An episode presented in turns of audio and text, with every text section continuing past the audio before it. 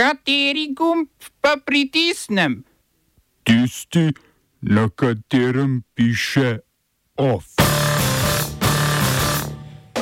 Salvadorski predsednik Bukele razglasil zmago na volitvah. Argentinski parlament sprejel Milejeve reforme za šok terapijo. Protesti v Senegalu. Predsednik Sal za nedoločen čas odložil volitve. Sodna potrditev, nekdanja županja Trbovel Gabrič kršila integriteto.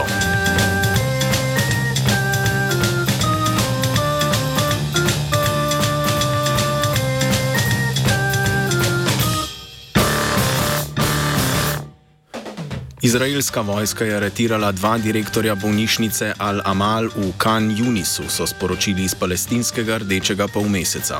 Vodilna v bolnišnici, ki jo je predtem oblegala dva tedna, je okupatorska vojska odpeljala na neznano lokacijo. Sicer je nastanjenim v bolnišnici dovolila izhod. Po poročanju humanitarne agencije Združenih narodov je med koncem tedna izraelska vojska ubila 234 ljudi. Poleg tega vojska ruši stanovanska naselja v Gazi, največ v Khan Yunisu.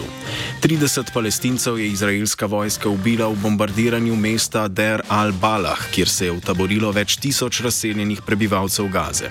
V mestu Gaza na severu enklave potekajo spopadi med izraelsko vojsko in palestinskim Hamasom, ki je izvedel tudi topniške napade na izraelske vojake, čeprav je okupatorska vojska predtem trdila, da je Hamasove borce severa že pregnala.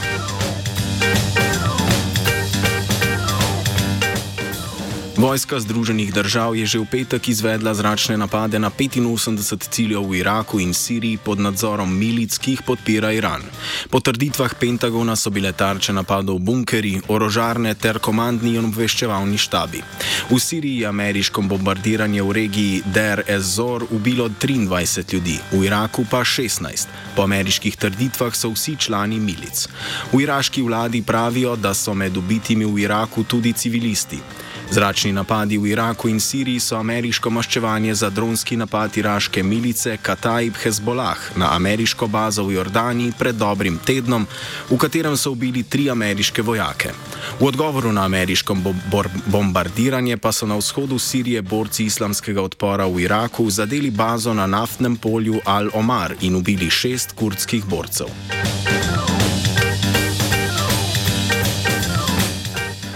Z ameriških in britanskih letal ter ladij so v soboto bombardirali tudi Jemen. Po poročilu obeh vojsk so napadli radarje, skladišča orožja in raketna izstrelišča gverilcev Ansar Allaha oziroma Hutijev. Huti v Rdečem morju z napadi skušajo ovirati tovorne ladje povezane z Izraelom, po ameriško-britanskih napadih pa so začeli napadati še ameriške in britanske vojaške ladje.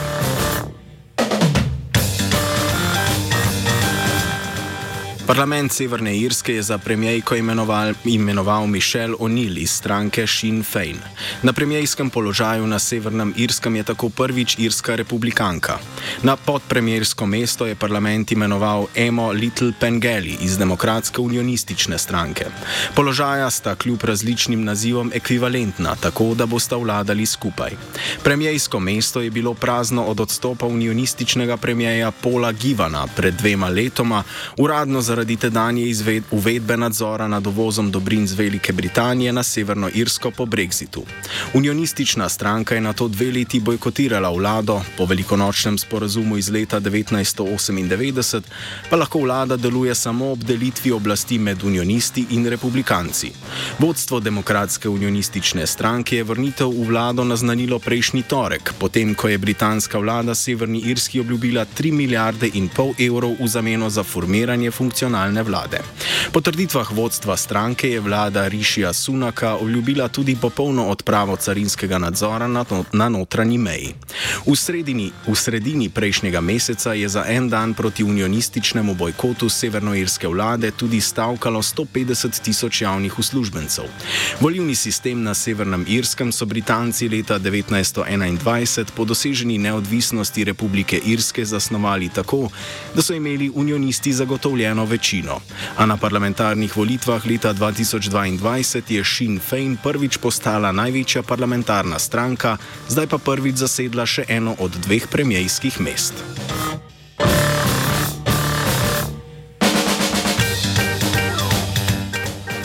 Spodnji dom argentinskega parlamenta je potrdil omnibusni reformni zakon predsednika Javierja Mileja. Za je glasovalo 144 poslancev, 109 jih zakona ni podprlo. Za uveljavitev ga mora potrditi še zgornji dom. Proti zakonu potekajo protesti, ki so se začeli med parlamentarno razpravo. Zakon med drugim predsedniku podeljuje zakonodajno oblast na področju davkov, energetike in socialne varnosti, ukinja proporcionalni volivni sistem, uvaja šolnine in više kazni za blokiranje cest, kar je pogosta protestna taktika sindikatov, ter podeljuje večjo moč notranjemu ministrstvu pri omejevanju protestov. Prvotni predlog je vseboval več kot 600 členov, med pogajanji v parlamentu pa se je to število zmanjšalo za približno polovico. Predsednik Milej je po izvolitvi za 50 odstotkov v razmerju do dolarja devalviral argentinski peso, zmanjšal subvencije za gorivo in javni prevoz ter z dekretom ukinil več, der, več regulacij gospodarstva. Visoko argentinsko inflacijo je svojo šok terapijo še povečal. Stopnja revščine v Argentini presega 40 odstotkov, medletna inflacija pa je nad 200 odstotki.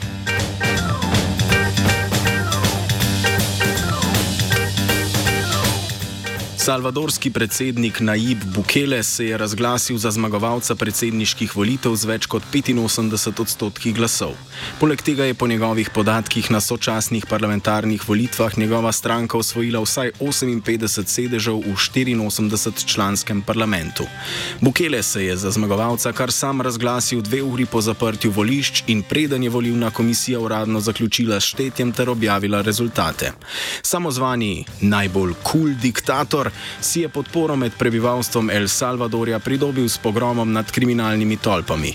Izredne razmere za boj proti tolpam je uvedel marca 2022, od takrat pa so represivni organi aretirali več kot odstotek vsega prebivalstva. Stopnjo umorov, ki jih zagrešijo tolpe, je predsednik s pozaprtjem njihovih članov tudi močno znižal.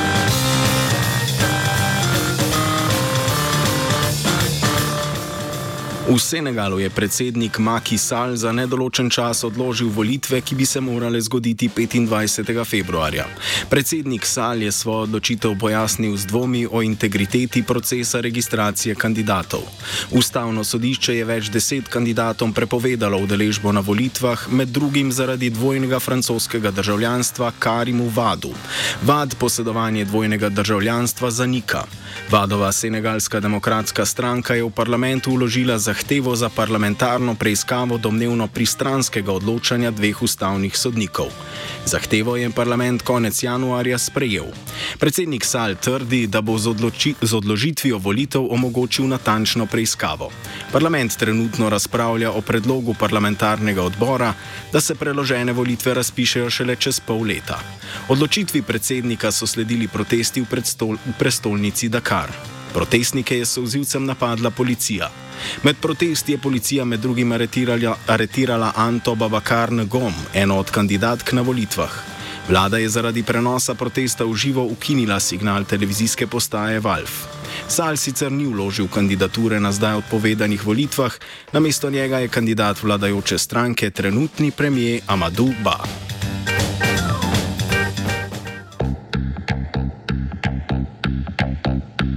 Smo se osamosvojili, nismo se pa osvobodili. Naslednje število je še 500 projektov. Izpiljene modele, kako so se strani nekdanje LDS rotirali. Ko to dvoje zmešamo v pravilno zmes, dobimo zgodbo o uspehu. Takemu političnemu razvoju se reče udar. Jaz to vem, da je nezakonito, ampak kaj nam pa ostane? Brutalni obračun s politično korupcijo.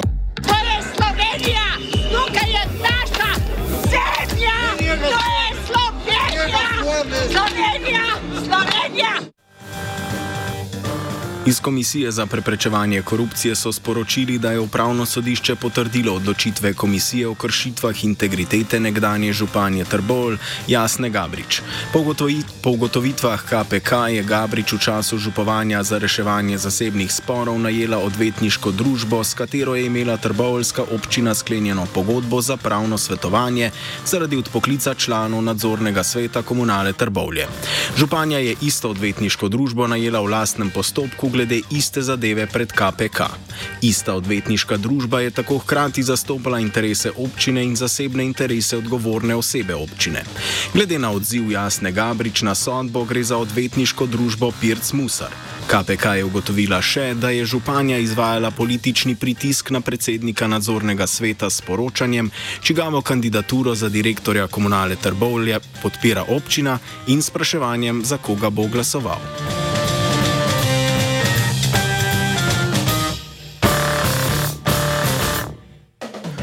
Ministr za obrambo Marjan Šarec in rektor Univerze v Mariboru Zdravko Kačič sta podpisala sporazum o sodelovanju med ministrstvom in univerzo. Sporazum zadeva sodelovanje pri študijskih programih z področja vojaških ved, obramboslovja in varstva pred naravnimi nesrečami. Ministrstvo bo lahko z univerzo skupaj načrtovalo raziskovalne in razvojne projekte ter pri teh projektih združevalo kadre, opremo in sredstva. Sporazum omogoča tudi habilitiranje zaposlenih na ministrstvu v nazive visokošolskih učiteljev in raziskovalcev. Po besedah Šarca sporazum kaže pot k integraciji slovenske vojske v šolski sistem.